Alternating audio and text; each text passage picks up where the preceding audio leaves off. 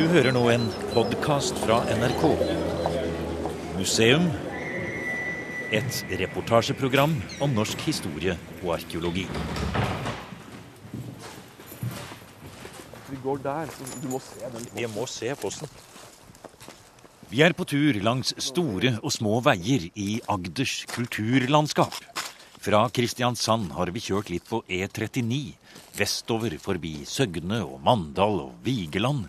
Og så har vi forlatt asfalten og kronglet oss fram på svingete bygdeveier med stabbesteiner og stensatte bruer, forbi små åkrer og gårdsbruk. Det er, det er en klisjé å si at det er et Norge-miniatyr, men, men her er det det likevel. Og, og, samtidig er det mye mer.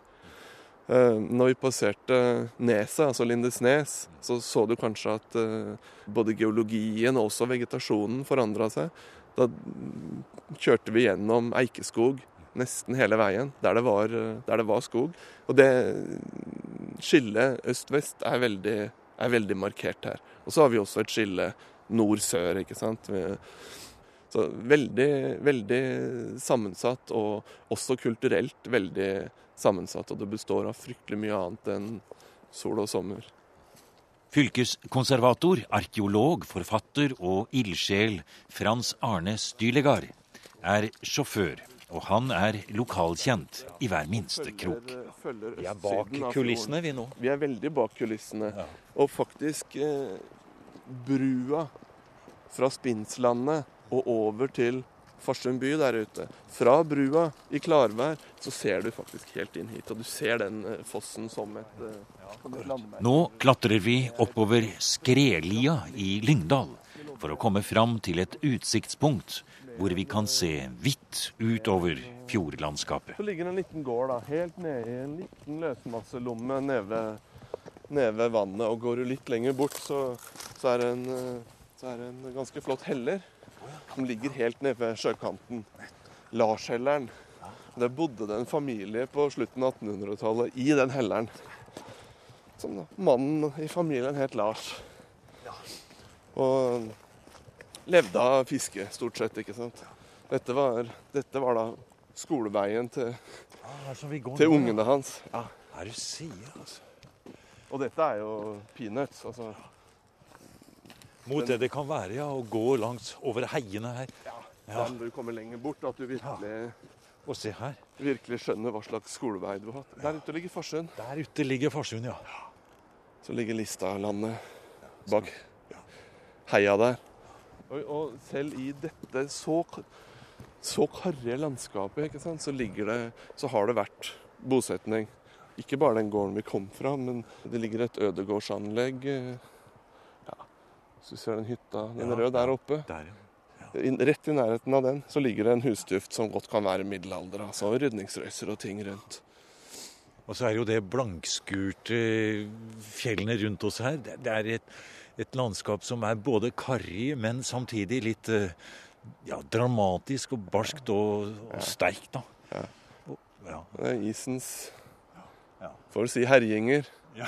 Det er ikke mye han har lagt igjen her. Nei, Bortsett fra at det ligger strødd av sånne store og små flyttblokker over hele landskapet her. Det gjør det. Dette er baklandet til Lista. Sant? Det er fjordsystemene på innsiden av, av Lista.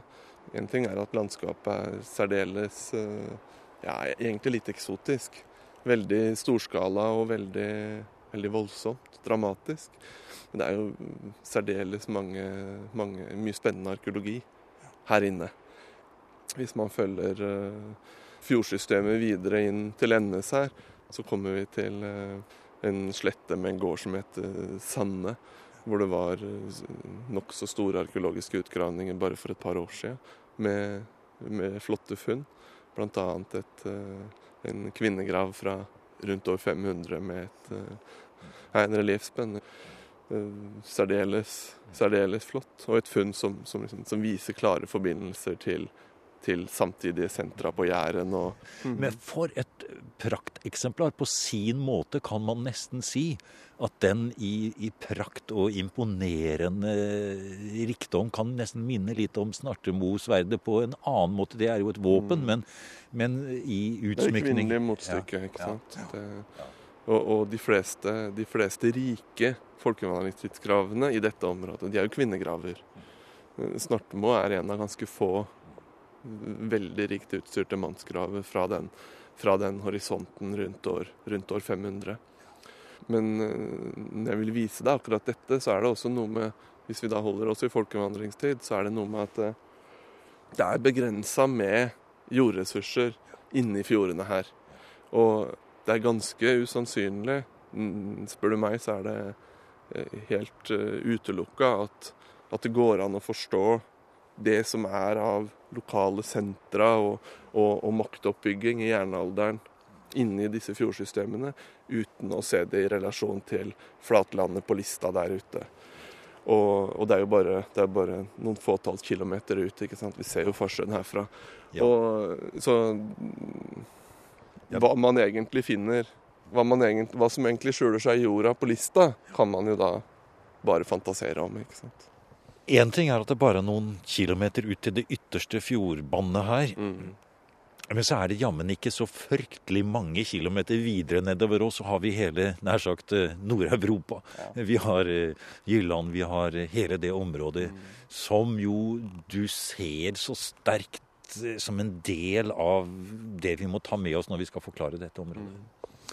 Ja, det må man. Altså Veien til særlig til Danmark og Nord-Jylland, men også til kontinentet og for så vidt til England, er veldig kort herfra. Den er kort i fysisk avstand over, eh, over havet, men, men, den er også ganske kort kulturelt sett. Altså. Og når vi kommer ut på, kommer ut på lista, så har man, altså man har sammenligna lista med Noen har sagt at det er et Jæren i miniatyr. Andre har sagt at det er en del av, eh, av Jylland som har eh, løsrevet seg og drevet opp til norskekysten. Og det er selvsagt ingen av delene. Og lista er, eh, skiller seg på mange måter fra begge stedene, men det er helt klare forbindelser også kulturelt. Eh, kanskje særlig til Danmark og, og kontinentet. Eh, fremdeles i dag, men langt, langt, langt tilbake i tid. Vi ser det i det arkeologiske materialet, i alle fall fra slutten av steinalderen av, hvor det er veldig tydelige og direkte forbindelser fra, fra, fra Jylland og rett over til eh, lista. Ting som havner eh, Ting som, eh, som kommer sørfra, de kommer hit først, og så spres de herfra og videre østover, og kanskje særlig videre oppover vestlandskysten. Ja, det er isen. Ja. Ligger utover her. Det er majestetisk. Flyttblokkene som ligger der det som alle ser når de går tur, ja. er gjerne fra den siste fasen, ikke sant? fra 1800-tallsbosetninga. Det, de, det, er jo folk på disse gårdene som drar til Amerika, ikke sant. Disse blir først uh, nedlagt, og veldig, veldig mange familier herfra havner i Amerika. Akkurat som veldig mange tusen år tidligere havna på Island. ikke sant? For det, nettopp den, denne delen av Agder var, uh, ifølge sagaene, uh, viktige utvandringsområder. Her er det en liten, eh, akkurat som en liten bro og noen stener som ligger. Det er skoleveien til ungene til Lars i Hellheim. Det er det det er. Det er det. Der ser du det gamle vadestedet. Ja, det er der. nettopp. Noen få Hvor gammelt er det? Det er like gammelt som bosetningen her. ikke sant?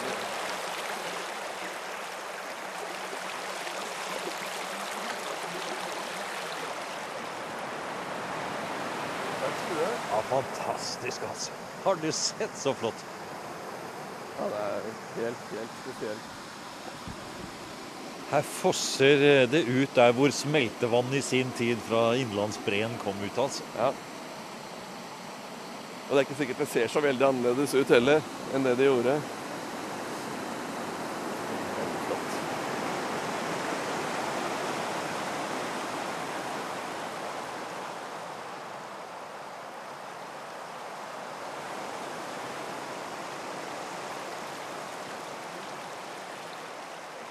Vest-Agder og, og, for så vidt sørlige deler av Rogaland. Da.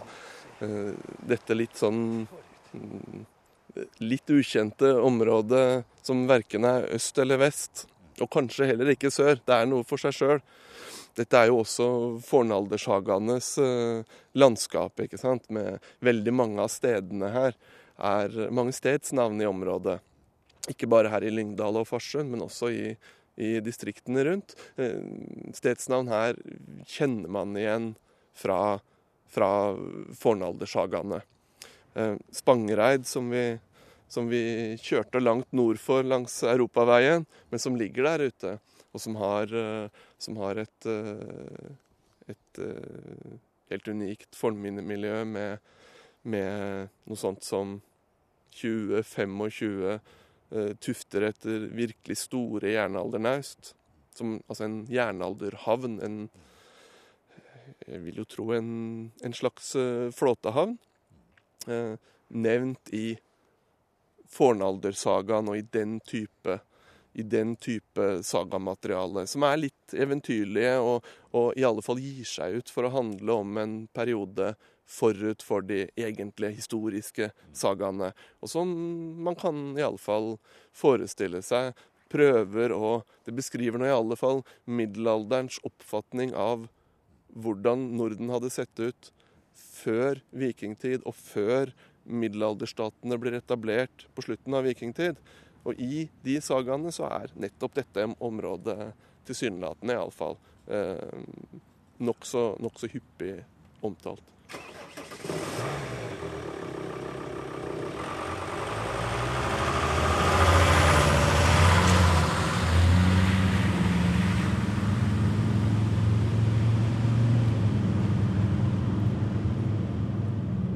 Frans Arne Stylegard tar oss med videre utover i kulturlandskapet. Inn i bunnen av fjordarmer til Eidene, og videre utover mot havet. Vi skal ut til Lista. Og jo lenger utover mot havkanten vi kommer, jo tydeligere ser vi det eldgamle og rike jordbruksområdet med store og små gravhauger overalt. Noen er flott restaurert, andre ligger der som de alltid har gjort. Og vi tør ikke engang tenke på hvor mange hundre og kanskje tusener av gravhauger og røyser i dette området som er slettet.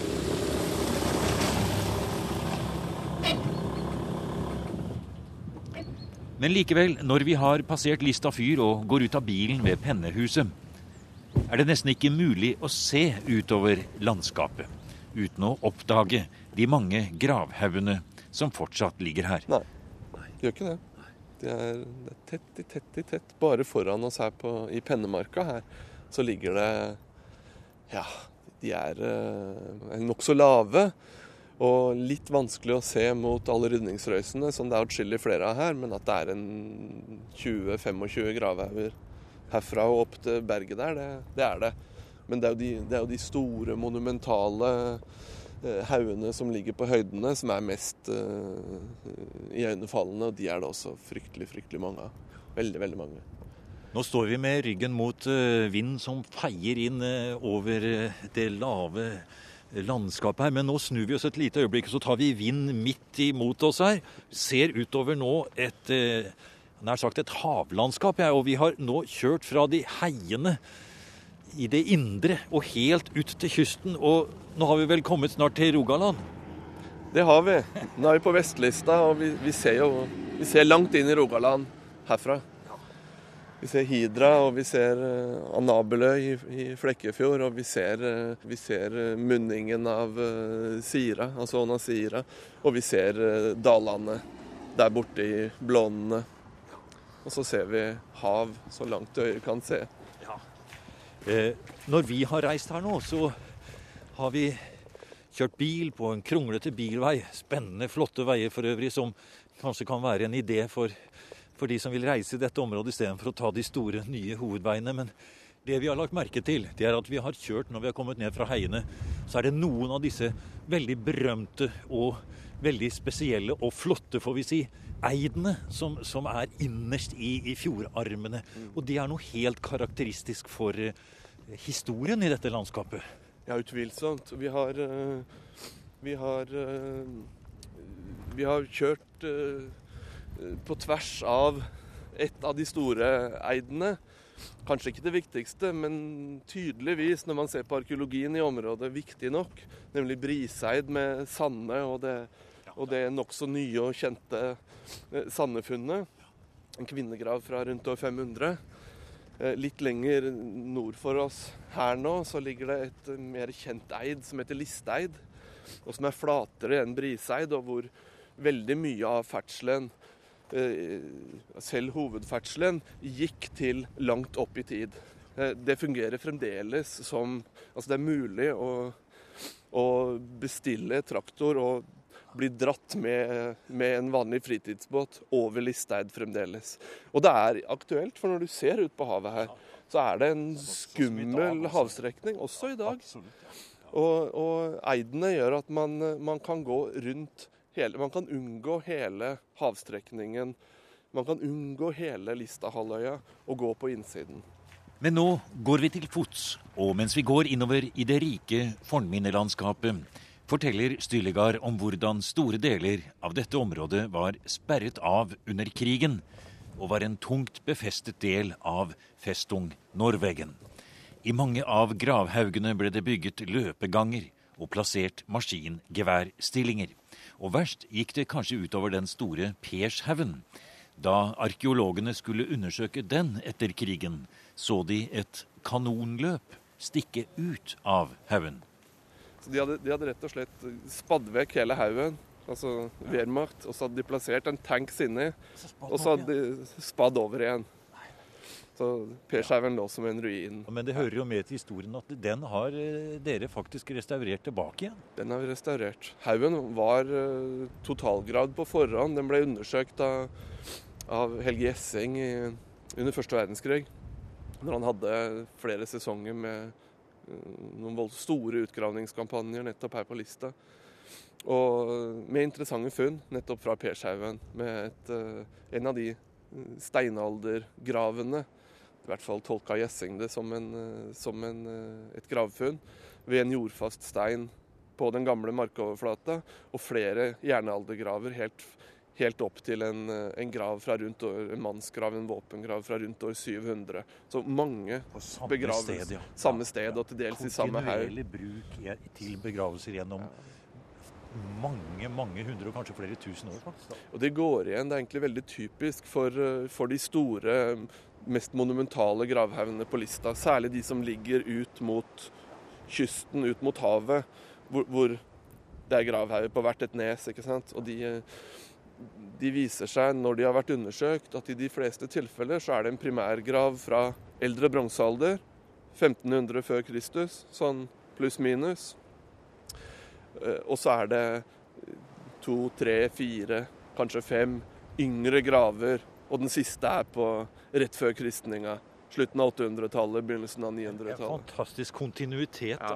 Ja. Vi går gjennom et le her. Vi, vi fryser så vi rister, for det er null grader, og det blåser en 10-12-14 sekundmeter. Havet står i hvit kok ut bak oss her. Og vi går innover her, for vi skal inn til helleristningene og et, et felt litt, litt, litt, her oppe ved pennehuset. Og når du nå forteller om en tanks fra annen verdenskrig som tyskerne gravde ned i en, i en flott eh, gravhaug her for å forsvare seg mot invasjonen, så kan det kanskje passe å, nevne at du har jo også tatt i bruk teknologi eller moderne ting og, i forhold til fornminnene her, eh, Frans Arne. For du har beveget deg nær sagt, ikke du personlig, men du har beveget deg ut i verdensrommet med, med, verktøy, for å si det sånn, nemlig satellittbilder over dette området, for å se på de bildene om du finner spor etter fornminner i bakken her. Ja, og det gjør vi jo. Ja, Det gjør dere. Det finner dere. Mange spor. Men hvordan foregår akkurat det? Hva er, hva er teknikken der?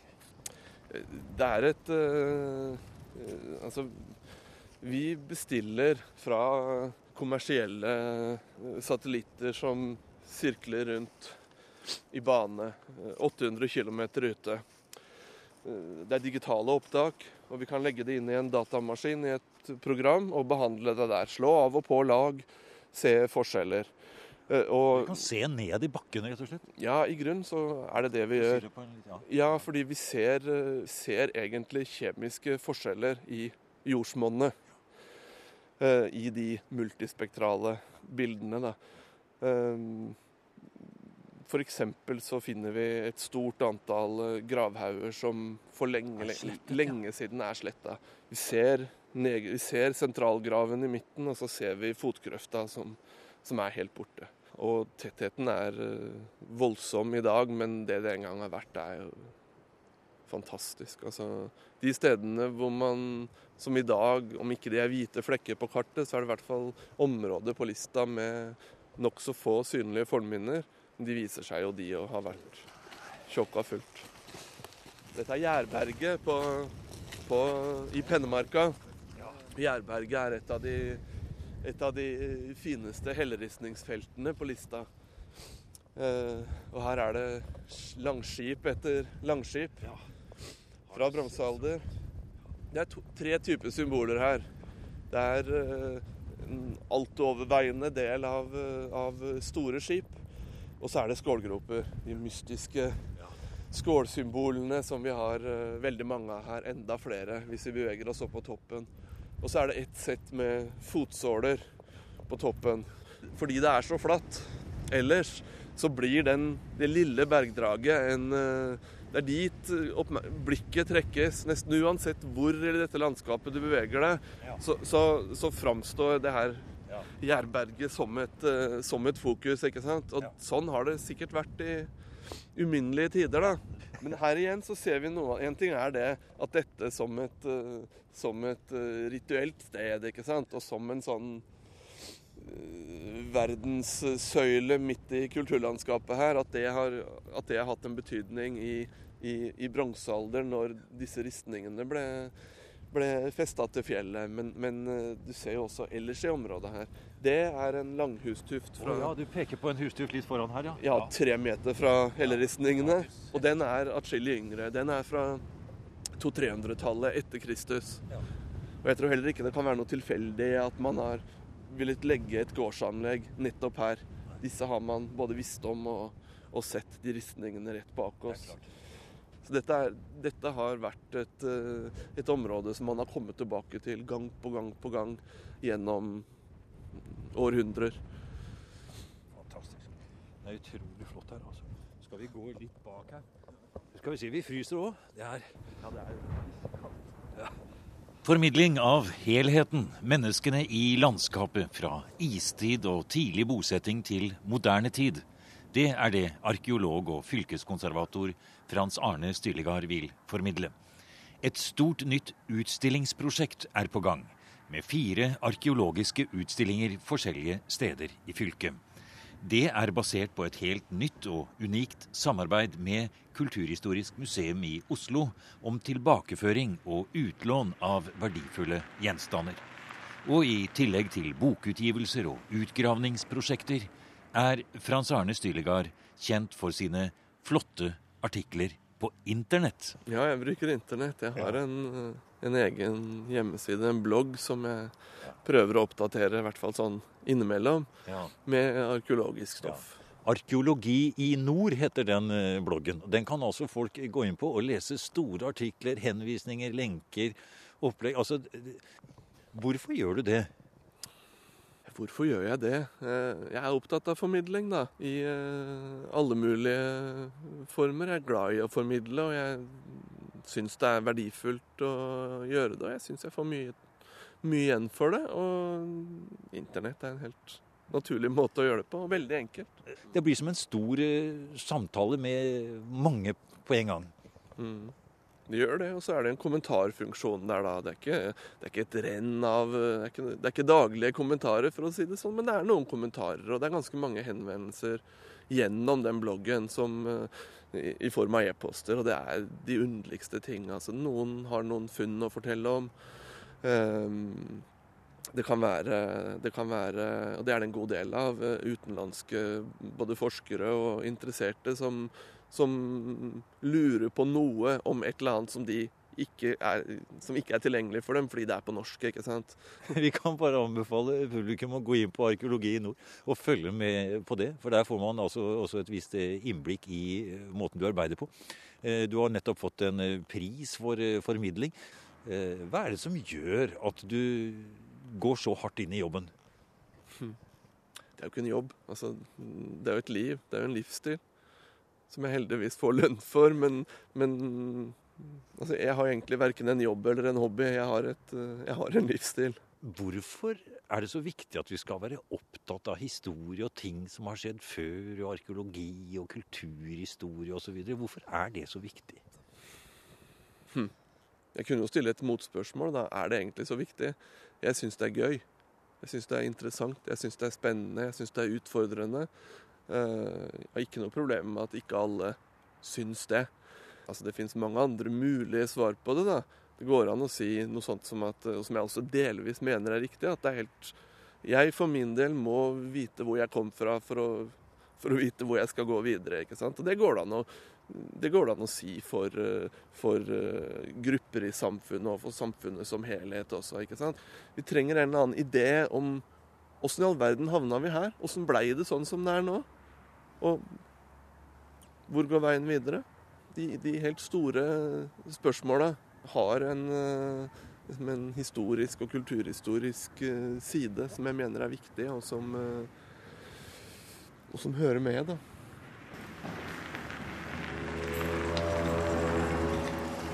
Du har nå hørt programmet Museum som podkast fra NRK. Museum sendes i NRK P2 på lørdager og søndager.